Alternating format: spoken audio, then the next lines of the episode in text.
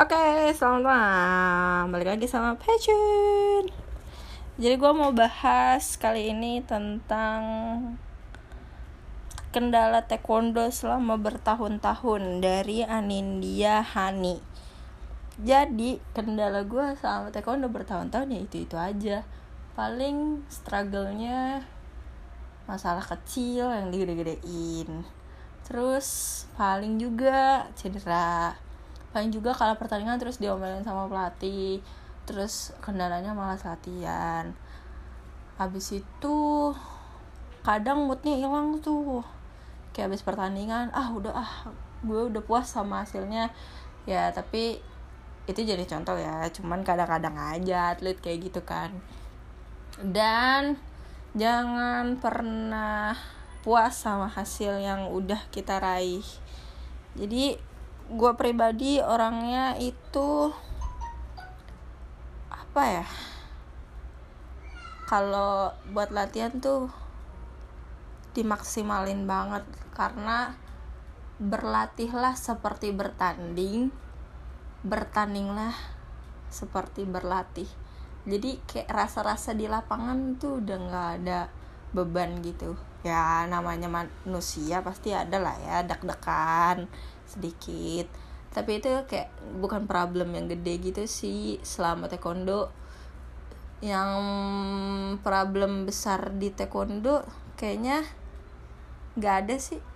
Maksudnya ya gitu-gitu aja gitu. Maksudnya kalau dari kitanya sendiri kan kalau misalnya kita nanggapnya berat banget jadi kayak yang wah gitu. Tapi kalau misalnya kita biasa aja nanggapnya santai aja gitu kayak relax aja guys. Tapi ya udah hasilnya pasti ya udah biasa aja gitu.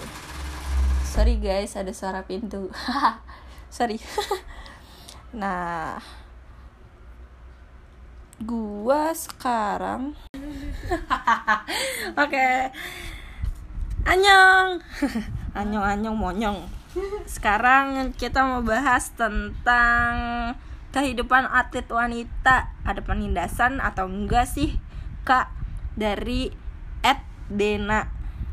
Pertanyaannya bakal gue jawab mau jujur atau enggak nih? Jujur. Kalau jujur ya pasti ada lah penindas nggak penindasan sih antara senior sama junior tuh sangat wajar. Penindasan tuh dalam arti apa gitu kalau kitanya songong atau kayak kurang sopan sama yang lebih tua itu kayaknya udah hukum alamnya deh. Lo bakal digangguin dan lo bakal disuruh-suruh kayak gitu. Itu kan namanya hidup asrama kan namanya atlet. Itu tuh udah pasti banget deh. Senior junior tuh pasti ada. Jadi ya gue bukannya mau marah-marahin seniornya atau gue nanti jadi senior punya junior pasti itu maunya ngajarin yang bener gitu. Nah jujur sih gue nggak pernah kayak ditindas gitu nggak pernah sih. Kayak biasa aja gitu di taekwondo. Kayak mm, kalau misalnya dibilang lo lo gue gue gitu. Dan kalau misalnya senior gue nyuruh ya gue pasti bantuin. Selama itu positif tapi selama itu negatif gua bakal ngelawan. Karena emang maksudnya apa gitu kalau negatif kan?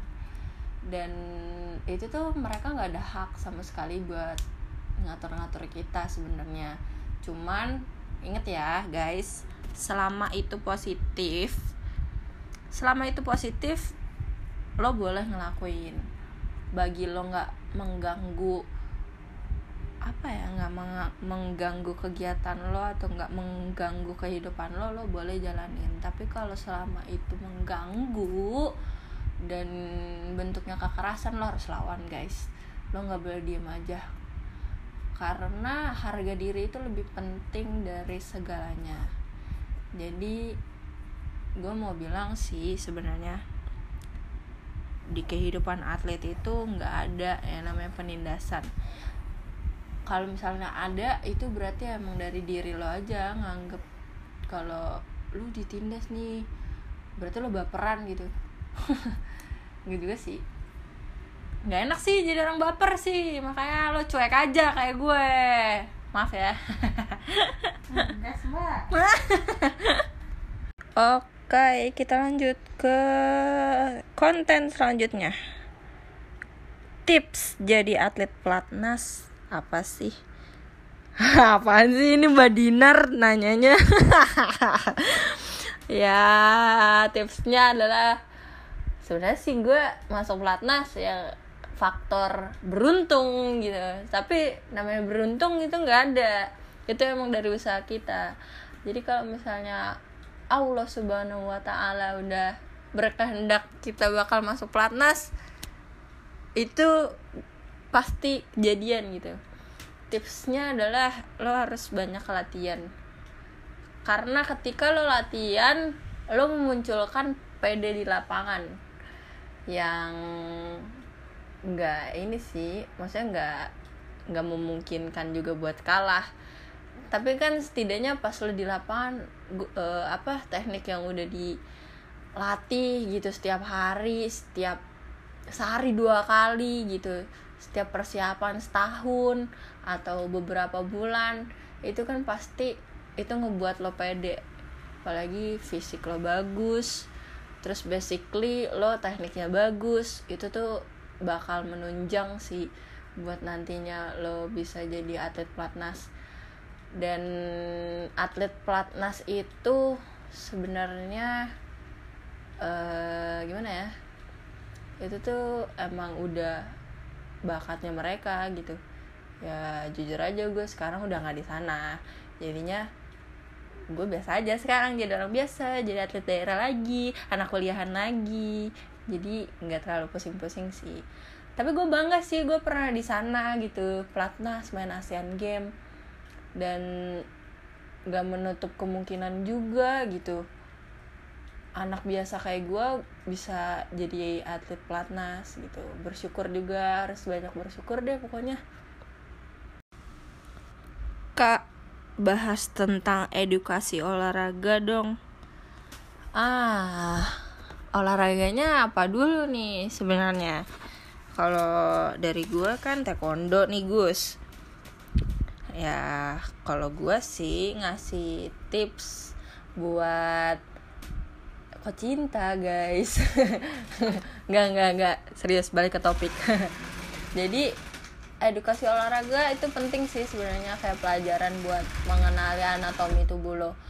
Eh, kalau ini gue contohin aja buat ke pertandingan. Jadi jenjang lo mau pertandingan adalah seminggu sebelum tanding latihan lo harus sudah turun.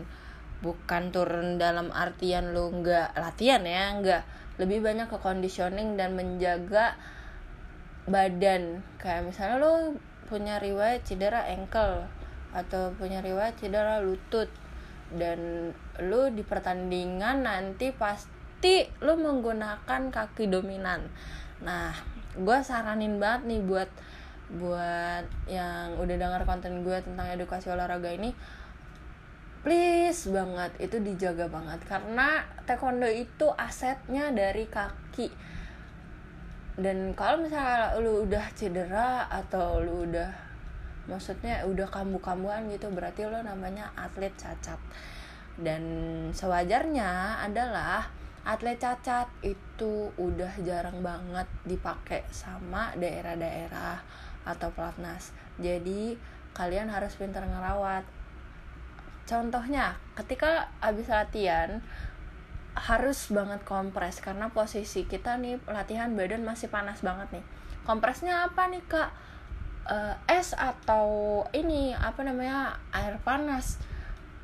Gue saranin es karena suhu tubuh kita lagi naik-naik banget nih panas dan es cocok banget buat kalian kompres atau kalian berendam setelah latihan berat.